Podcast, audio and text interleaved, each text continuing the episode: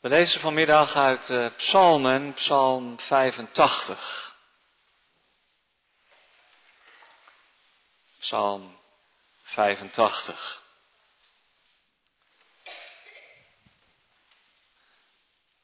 Een psalm voor de koorleider van de zonen van Korach. U bent uw land goed gezind geweest, heren. U bracht een omkeer in de gevangenschap van Jacob. De ongerechtigheid van uw volk hebt u weggenomen. U hebt al hun zonden bedekt. U hebt al uw verbolgenheid weggenomen. U hebt zich van uw brandende toren afgewend. Breng ons terug, o God van ons heil. Doe uw toren over ons teniet.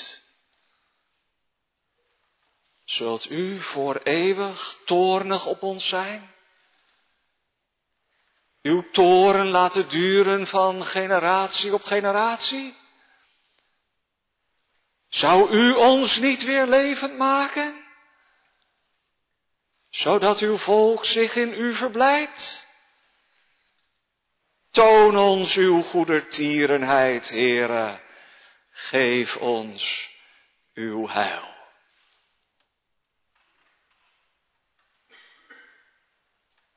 Ik zal horen wat God de Heere spreken zal.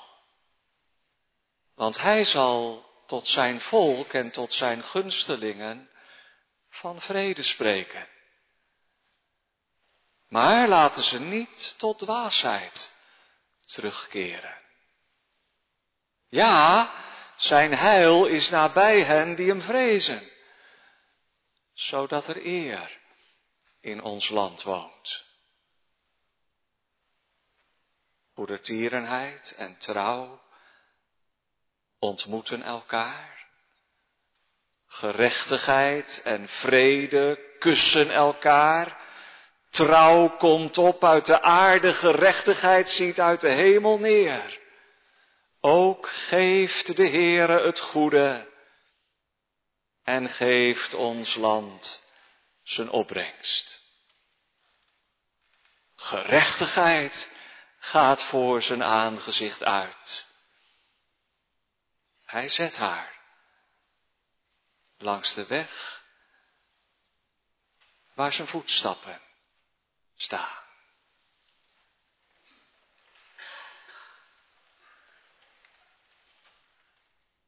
Jongens en meisjes, als jullie uh, op je blote voeten rondlopen, doe je dat wel eens op je blote voeten lopen? Niet op de straat, denk ik, hè, dan krijg je zere voeten.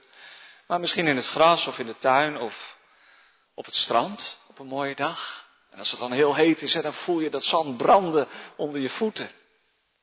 Als je op je blote voeten staat, dan maak je contact met de aarde.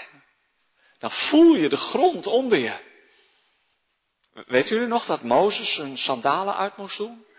Omdat de Heere God zo dichtbij was en het heilige grond was? En Jozua trouwens ook, toen hij het beloofde land binnenging. Toen moest hij zijn schoenen uitdoen en met zijn blote voeten daar op de grond staan, op het land wat de Heere geven zou. Want dat land, dat is van, dat is van God. De aarde is van de Heere. Ik moest eraan denken bij de tekst, dat is het eerste gedeelte van vers 2. Maar vanuit die eerste regel van de psalm willen we natuurlijk ook de hele psalm belichten. Maar wel met een focus op dat, op dat land. Psalm 85, vers 2a. U bent uw land goed gezind geweest. Heren, geliefden in de Heere Jezus Christus. De grondtoon van deze psalm, en dat geldt wel voor meer psalmen natuurlijk, maar hier in het bijzonder is een toon van verwondering.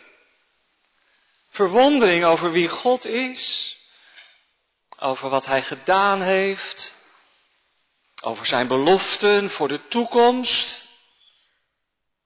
De psalmdichter hoort Zijn voetstappen en ziet de aarde weer opbloeien. Gerechtigheid daalt neer van de hemel. De trouw spruit op uit de aarde.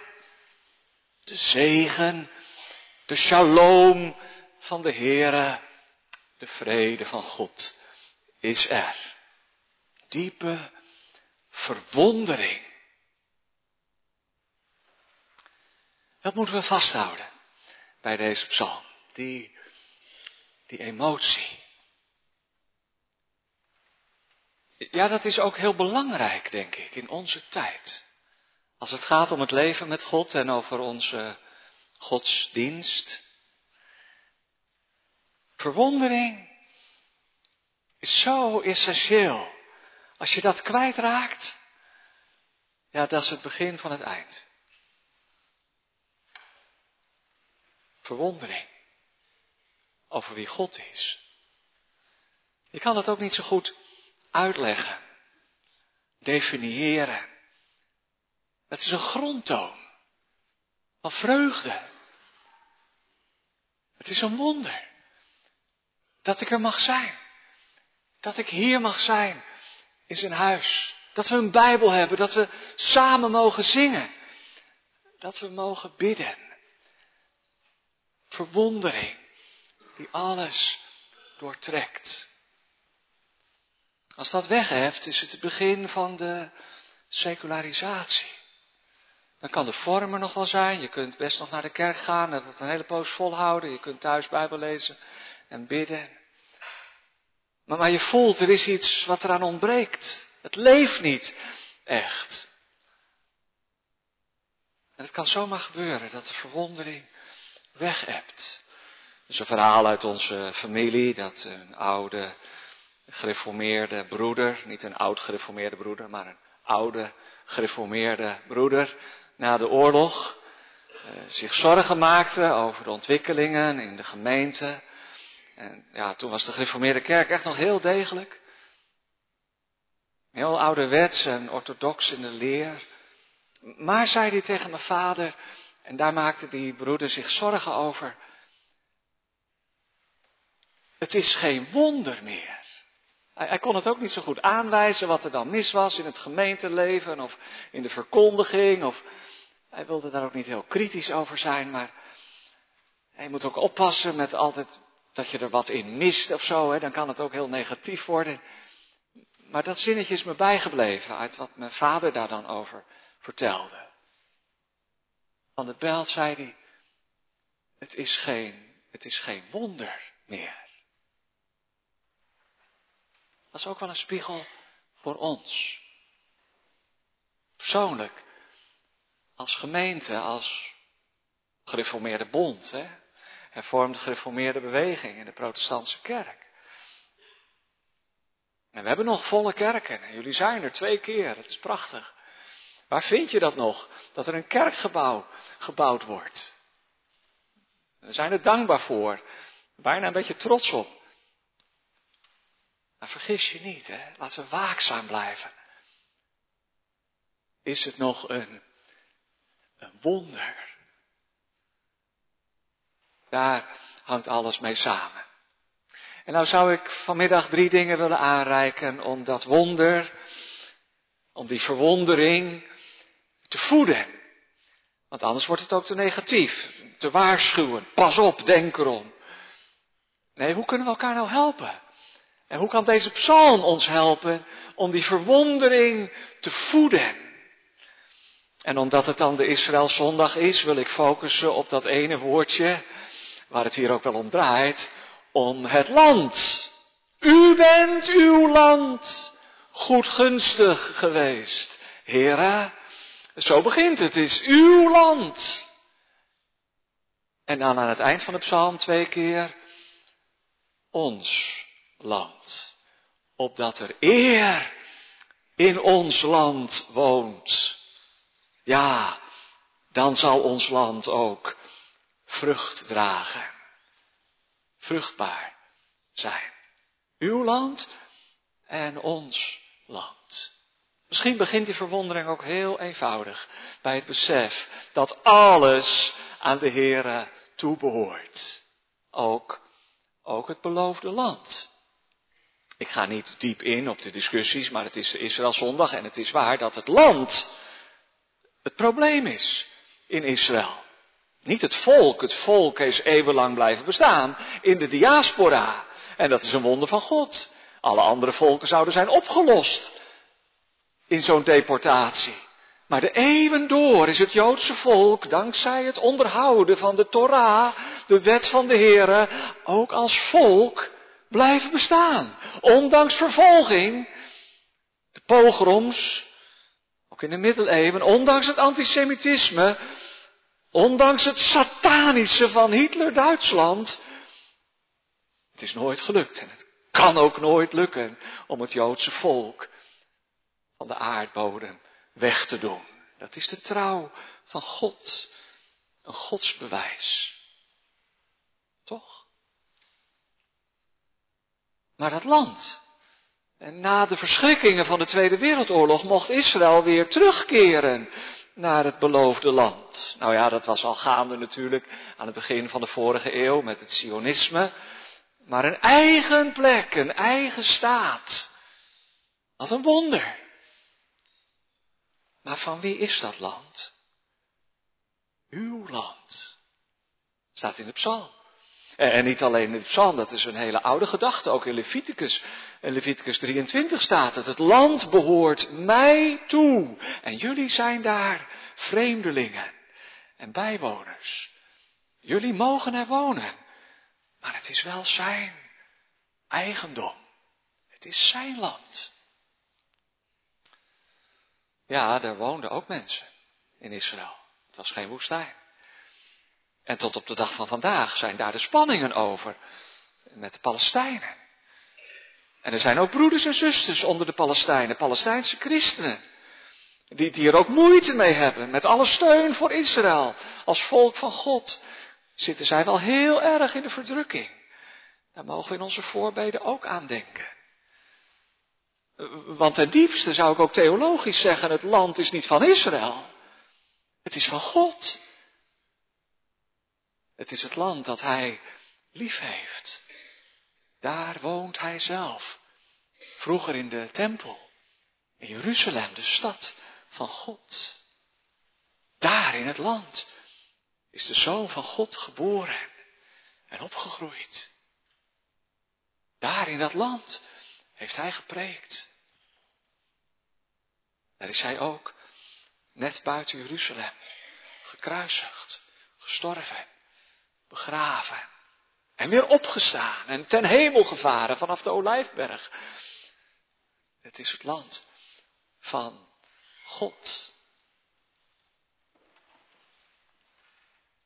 En als we nou even een stapje terug doen van Israël en teruggaan naar die verwondering, lukt het dan om dat, om dat ook mee te maken en voor onszelf toe te passen? Dat stukje land waar je huis op staat. Van wie is dat eigenlijk? Ja, zeg ik, heb het, ik heb het gekocht. Het is van mij. Nee, de aarde is van de Heere. En haar volheid. Eigenlijk heel raar dat je zo een stuk grond kunt kopen. Dat je een auto kunt kopen, of, of een fiets. Maar dat je een hek om een stuk land heen zet en zegt dat is van mij. Dat vonden de Indianen in Amerika heel vreemd. Toen de Engelsen en de Nederlanders dat gingen doen, een stuk land afzetten, dat kenden ze eigenlijk helemaal niet. Zij leefden in hun natuurgodsdienst nog veel dichter bij de gedachte dat het, dat het land van iedereen is. En wij met onze bezittingen en onze hebberigheid, is het ook niet een spiegel voor ons? Wat zijn we snel met het woordje mijn? Maar als je als christen leeft uit Gods genade, dan zou je toch ook moeten zeggen met de apostel Paulus, wat hebt u dat u niet hebt ontvangen? Helemaal niks. Helemaal niks. Het is allemaal van Hem. Toch? Nou, laten we er eens over nadenken. Ook als spiegel. Niet alleen het land, maar ook onze bezittingen. Het kan me allemaal gestolen worden. Nou, dat moet maar eens gebeuren. Dan praat je wel anders. Ik ook. En als ze iets van je afpakken, hè, dan blijkt pas hoe hebberig je eigenlijk bent. Want het is van mij. Het begint al heel jong. Als je twee fietsjes hebt en twee jongetjes, dan willen ze allebei op hetzelfde fietsje rondfietsen. En dan maken ze ruzie. Het is van mij, nee, het is van mij. Ik was eerst. Het zit zo diep in onze zondige genen. Ik, mijn. Moeten we dat ook niet weer oefenen? Is dat ook niet een stukje van de verwondering? Al mijn tijd, ook dat hè? En al mijn energie. En alles wat u geeft. Heere, het komt u toe. En wij geven het u uit uw hand. Dat kan ook zo bevrijdend zijn, hè? Want die hebberigheid en die zorgen die we ons vaak maken om ons en mijn en ik, als je daar nou eens van bevrijd wordt en het alles in Gods hand mag leggen, het land en alles wat erbij hoort. Verwondering. Het is alles van Hem en voor Hem. En uit Hem en door Hem en tot Hem zijn alle dingen. Hem zij de heerlijkheid tot in eeuwigheid. En wat heb je dan een gelukkig en een vrij leven. Maar, de verwondering in de tekst gaat nog wel een spa dieper. Het is niet alleen maar verwondering over het feit dat alles van God is. Daar begint het misschien wel mee. Maar er staat in de tekst, u bent uw land goed gezind geweest, heren. U hebt zich erover ontfermd. En, en dat staat in de psalm tegenover datgene wat wij verdiend hebben met ons gedrag als volk van Israël. Eh, trouwens, je zou verwachten dat er zou staan, u bent uw volk goedgezind geweest. Want, want goedgezind, dat betekent eigenlijk welkom heten. Je bent hartelijk welkom bij de Heer. Je mag komen tot Hem. Kom maar. Met al je zorgen en vragen en noden en, en zonden. U bent uw volk goedgezind geweest. Er zit iets van het welbehagen van God in, waar we met de kerst weer van zingen in de mensen een welbehagen. Dat is hetzelfde woord. Goedgezind. Het is goed om bij de Heer te zijn. Maar nou gaat het hier om het land. Er staat bij, en dat legt het natuurlijk ook uit, u bracht een ommekeer in de gevangenschap van Jacob. Waarschijnlijk is de psalm dus na de ballingschap gedicht, toen het Joodse volk vanuit Babel weer terug mocht komen naar Jeruzalem. Een ommekeer, een terugkeer in de gevangenschap van Jacob. Hoeft niet per se, aan het eind van het boek Job lees ook van een ommekeer van zijn gevangenschap. Dezelfde uitdrukking. En dan gaat het natuurlijk niet om ballingschap, maar om een herstel van zijn vroegere positie. Maar laten we het maar eenvoudig toepassen op die terugkeer van het Joodse volk. En dan gaat het nog dieper, want de oorzaak van die ballingschap, dat was de zonde van het volk en de ongerechtigheid. U hebt ze weggenomen en bedekt. Want die zonde en die ongerechtigheid, en dan gaat het nog dieper, riepen de toren van God op. Dat is een woord waar wij wel intuïtief wat moeite mee hebben. Maar het wordt hier een paar keer herhaald. U hebt zich van uw brandende toren afgewend. God was zo boos zo vertorend over de zonde van zijn volk, dat hij ze weggevoerd had uit het beloofde land. Maar nu heeft God zich over dat land dat leeg en woest was, een wildernis, een ruïne, Jeruzalem, eh, daarover heeft God zich ontfermd door zijn volk weer terug te brengen. En zo is hij zijn land goed gunstig geweest. Het is natuurlijk poëzie, een, een psalm, maar ik probeer je even mee te laten voelen wat de grondtoon hier is van verwondering over wat God gedaan heeft voor zijn volk. Dat alles van Hem is, is één. Maar dat God in zijn onverdiende genade zich opnieuw over Israël en over ons ontfermd heeft. Dat hij de toren heeft weggedaan. Geblust het vuur van zijn gramschap. Dat is nog wel iets anders.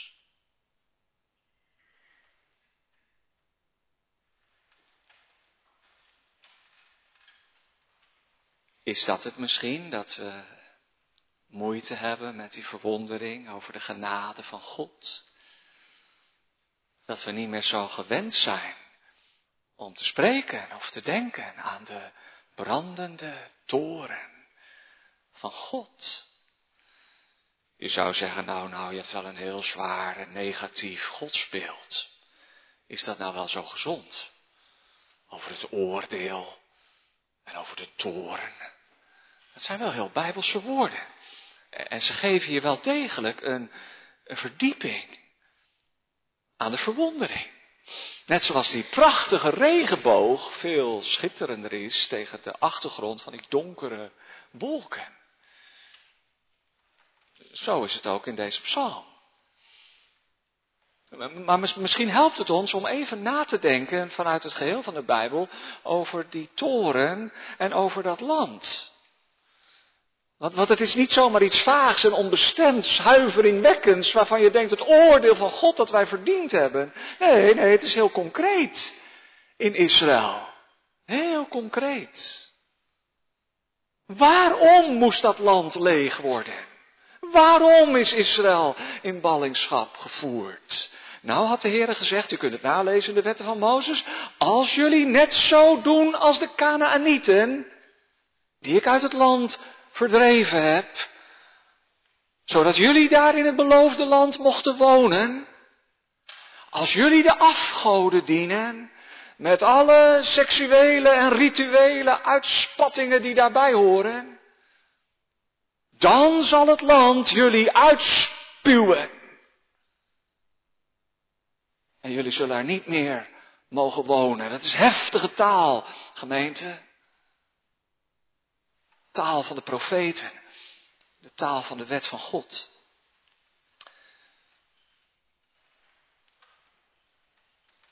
Dat je moet overgeven als je misselijk bent.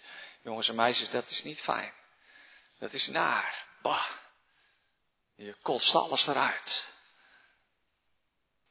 Dat is de taal van de Bijbel. Als het gaat over onze zonden en over de toren van God kan God niet verdragen. Hij is zo puur, zo gaaf, zo heilig. Nou moet het volk ook worden weggedaan. De Heer had ervoor gewaarschuwd. En het is gebeurd. Wat erg. Ja, als je dat nog meer concretiseert, dan gaat het ook over het land. Niet alleen over die verschrikkelijke zedeloze afgodendienst. Daar kun je nog wel wat bij voorstellen misschien. Maar het gaat ook bij die ballingschap over de uitbuiting van het land. Over de sabbatten. Nee, niet de zaterdag als wekelijkse rugzag. Maar elk zevende jaar was een sabbatsjaar. En dan moest het land rusten. Dan mocht je dat niet bezaaien en ploegen en oogsten. Nee. Het land moet ook zijn, zijn rust hebben. Dat weten wij trouwens ook wel als je een uh, volkstuintje hebt, dat je die aardappels niet elk jaar in hetzelfde stukje moet poten. Dat, nou hebben wij mest en kunstmest, daar kunnen we misschien nog wat aan doen. Maar dat was er vroeger ook niet. Dus er zit ook een heel praktische kant aan. Dat het land niet verarmd kon worden en niet uitgebuit moest worden en uitgeperst als een citroen. Maar de boeren in Israël die zeiden, ja wacht eens even, deze keer komt het niet zo goed uit. Dat zevende jaar, want vorig jaar was de oogst ook al niet zo groot. En ja, we moeten wel te eten hebben, laten we maar een keer overslaan. Maar dat ging één keer en het ging eigenlijk steeds weer, want er was elke keer wel een reden om het land niet te laten rusten. En dan zeggen de profeten dat het land een welgevallen moest hebben. hey, een welgevallen. Hetzelfde woord als hier in de tekst. Zo kwam ik erop. Welgevallen aan de sabbatten. Als jullie 50, 60 keer dat sabbatsjaar hebben overgeslagen, zegt de Heer door de profeten, dan zal ik het land laten rusten voor 50, 60 jaar. Dat is het oordeel over de ongehoorzaamheid en over de uitbuiting van het land.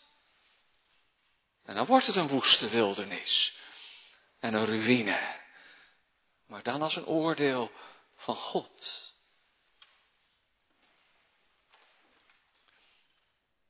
Ik aarzel even hoor. Want het ging om de verwondering en dan moeten zulke toepassingen ook niet hun eigen leven gaan leiden. Maar waar zijn wij mee bezig geweest? Als het gaat om deze aarde. De aarde is van de Heere en haar volheid. Hebben we dat wel genoeg beseft? In de afgelopen decennia, in onze omgang als westerse wereld, met de rijkdommen in de schoot der aarde. Of worden we nu geconfronteerd? En, is het misschien een oordeel van God met de gevolgen van ons eigen gedrag? Ik zeg het voorzichtig, ik zeg het wel scherp.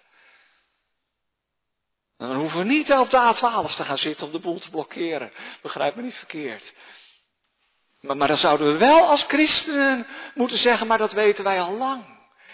Dat we door onze God, de schepper van hemel en aarde, aan wie alles toekomt, geroepen zijn om matig te zijn. En zuinig, niet gierig voor onszelf, maar zuinig. Want het was allemaal geleend goed. En als je dat beseft, dan heeft het ook invloed op de manier waarop je leeft. En op de keuzes die je maakt. In de vakantie. Maar ook, ik hoorde laatst dat dat het meest milieu- of klimaatbelastend is bij het kopen van steeds weer nieuwe spullen die je eigenlijk niet nodig hebt. Nou, niet dat je voor gek moet lopen natuurlijk, dat hoeft ook weer niet. Maar, maar, toch, dat steeds weer iets nieuws willen. Wist u wel dat dat eigenlijk, eh, die consumptiemaatschappij en die verspilling, dat dat eigenlijk het grootste, of een van de grootste oorzaken is. Van alle klimaatveranderingen. En nogmaals, dan volg ik maar even het grote verhaal. En laten we dan terugkeren toch naar de verwondering.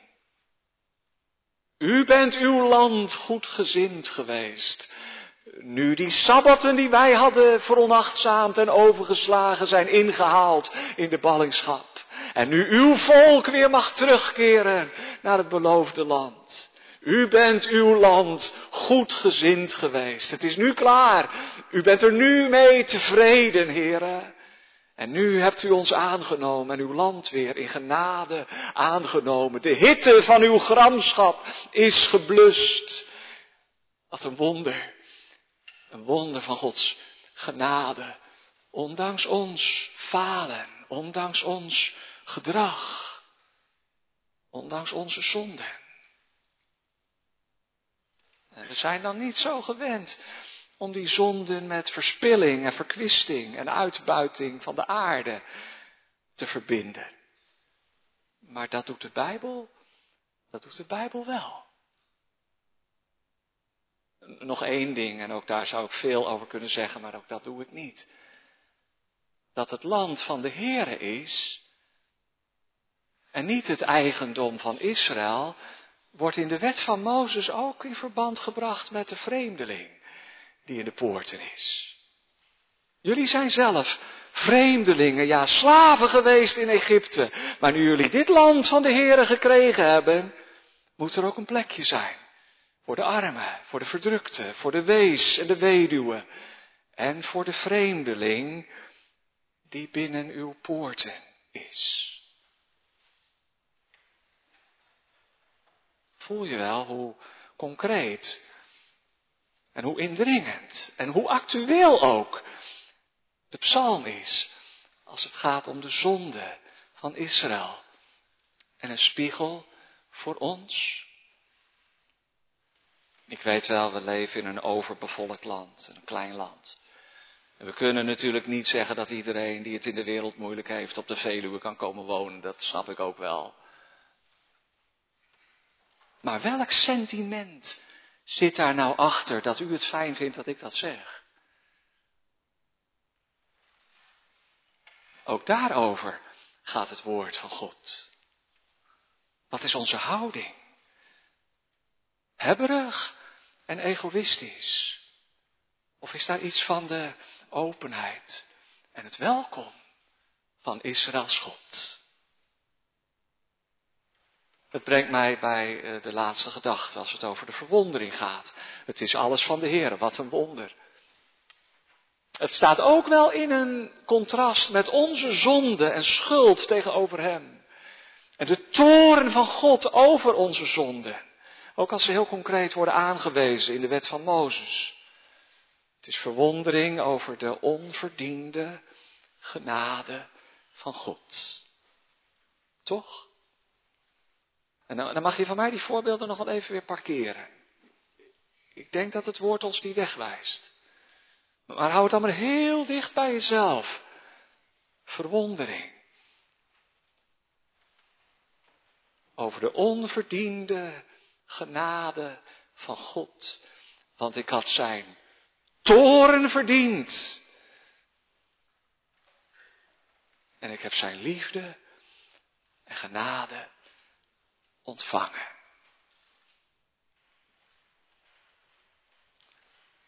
Maar, en dat is dan het derde, er klinkt uit die psalm ook een zekere bezorgdheid door over de toekomst. Een bezorgdheid die wel wordt overwonnen door de verwachting van de trouw van God. Dat is eigenlijk, want zover was ik nog niet eens, vanaf vers 5. De eerste drie versen, twee tot en met vier, verwoorden die verwondering over de genade van God. En dat God ons weer teruggebracht heeft in het beloofde land. Maar dan gebeurt er in vers 5 eigenlijk iets heel vreemds. Daar zegt de psalmist, en dan wordt het opeens een gebed in plaats van een dankgebed. Breng ons terug, o God, van ons heil. Doe uw toren over ons teniet. Zult u voor altijd en eeuwig op ons toornen. Van generatie op generatie. Zult u ons niet weer levend maken, opdat uw volk zich in u verblijdt. En dan zou je eigenlijk zeggen, als je de psalm leest, maar, maar, maar dat had de Heere God toch allemaal al lang gedaan. Ze waren toch teruggekeerd en de, hitte van zijn toren was toch geblust. Nou, dan hoef je daar toch niet meer om te bidden. Dan mag je daarvoor danken. En, en dan wordt dat dankgebed opeens weer een, een smeekgebed. Heere, breng ons terug. En doe uw toren niet ook over de komende generaties. Wat is dat? Dan moet je natuurlijk wel bedenken dat die psalm gedicht is na de ballingschap, dat denk ik tenminste, maar ook gezongen is door Israël de eeuwen door. Ook in de jaren en de eeuwen van de diaspora, de verdrijving uit het land na de val van Jeruzalem in 70 na Christus. En hoe klinken dan die woorden Als Israël terugdenkt aan de grote daden van God van vroeger, maar nu bedenkt dat, ja, dat er maar één ding overblijft. Breng ons terug, o God. Maar, maar niet alleen de eeuwen door in de liturgie van Israël, maar ook vanuit de psalm zelf is daar een zorg. Laat ik het maar zo toepassen. Dan weet u precies wat ik bedoel. Dat hoop ik tenminste. Als je mag delen in de onverdiende genade van God.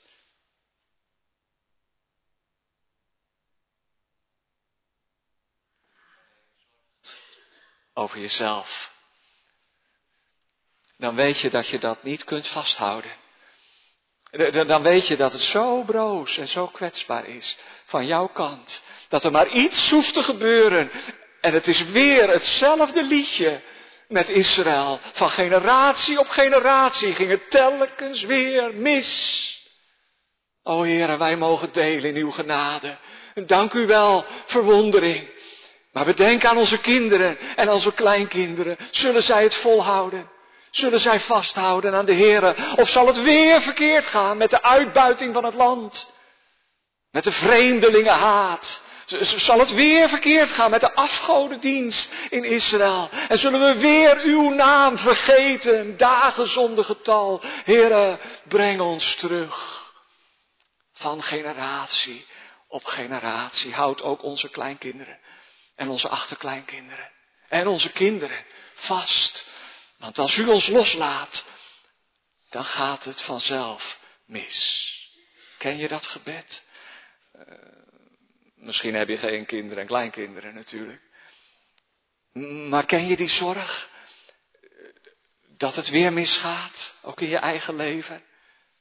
Dat het een aangevochten bezit is, als het een bezit zou zijn. Die genade van God. Omdat je jezelf kent en omdat je weet, Heer, ik ga elke keer weer de mist in. Als u me niet vasthoudt. Als u me niet bewaart. Dat is de grondtoon van deze psalm. De zorg, de ernst ook, van de zonde, van de macht, van de boze. Vergeef ons, leerde Jezus ons bidden. En verlos ons van de boze. Leid ons niet in verzoeking. Dat. En weet je wat ik dan zo mooi vind?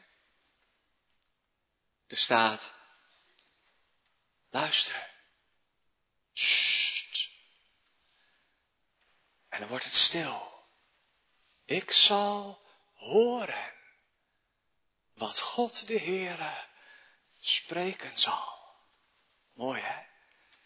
Bij alle aanvechtingen, bij alle kwetsbaarheid. Je bent de genade ook zomaar weer kwijt. Tenminste, je hebt het zomaar weer verspeeld.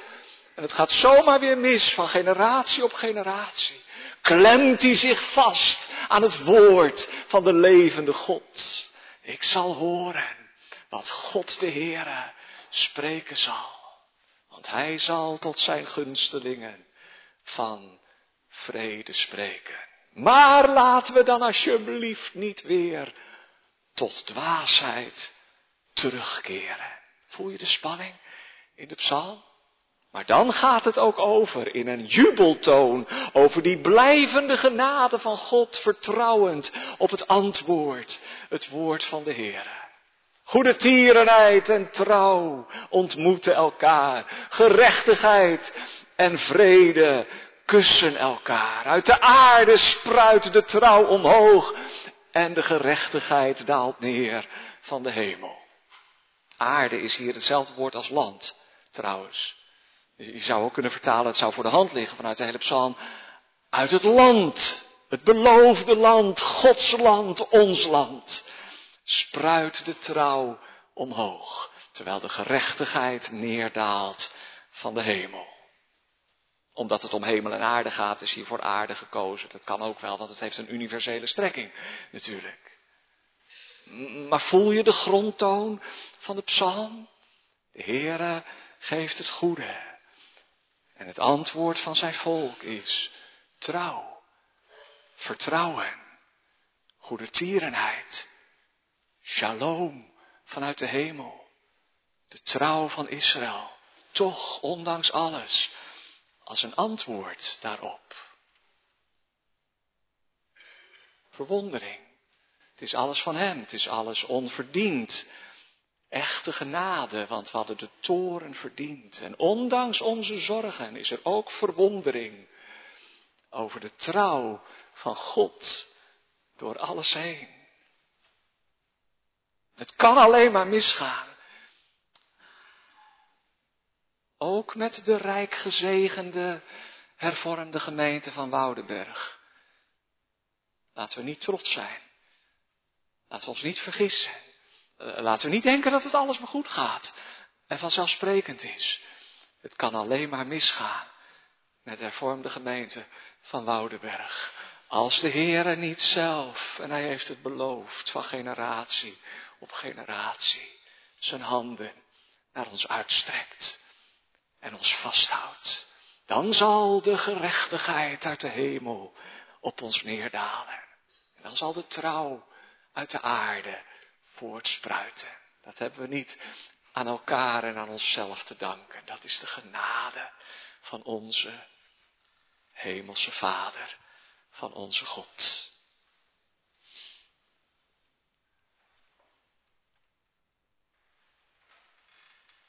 En dan nog één ding. Daar dacht ik ook aan bij de voorbereiding van de preek.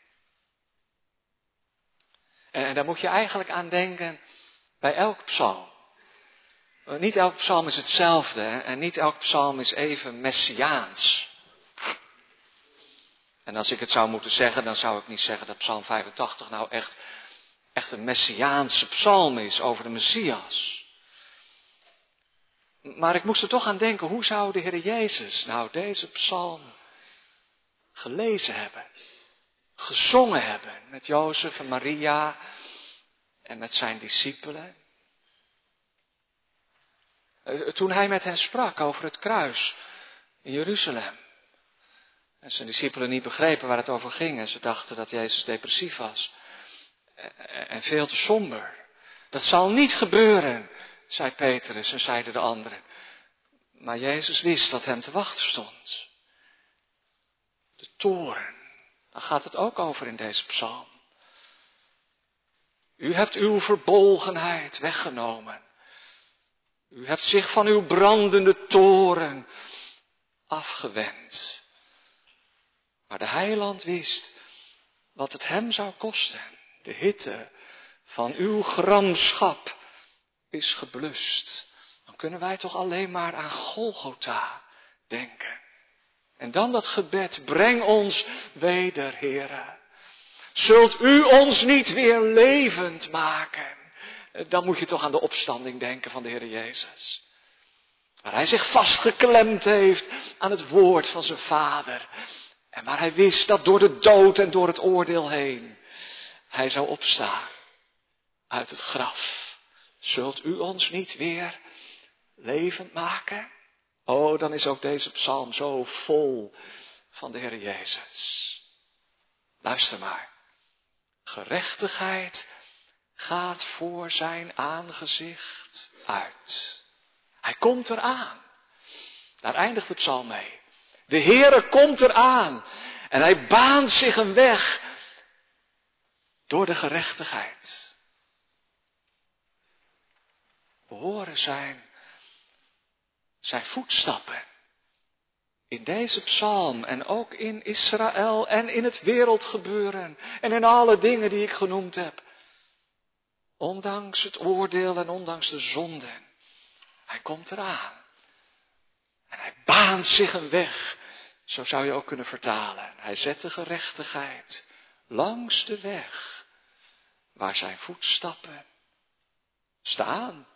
Nee, ik zou liever vertalen waar zijn voetstappen gaan. Want er zit beweging in de psalm. Hij komt. Hij komt. De Messias van Israël. Hij is gekomen. Gerechtigheid en vrede kussen elkaar in het volbrachte werk van Christus.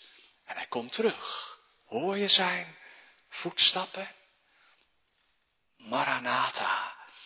Kom, Heere Jezus een nieuwe hemel en een nieuwe aarde, waarop gerechtigheid woont en waarop alleen eeuwige verwondering overblijft.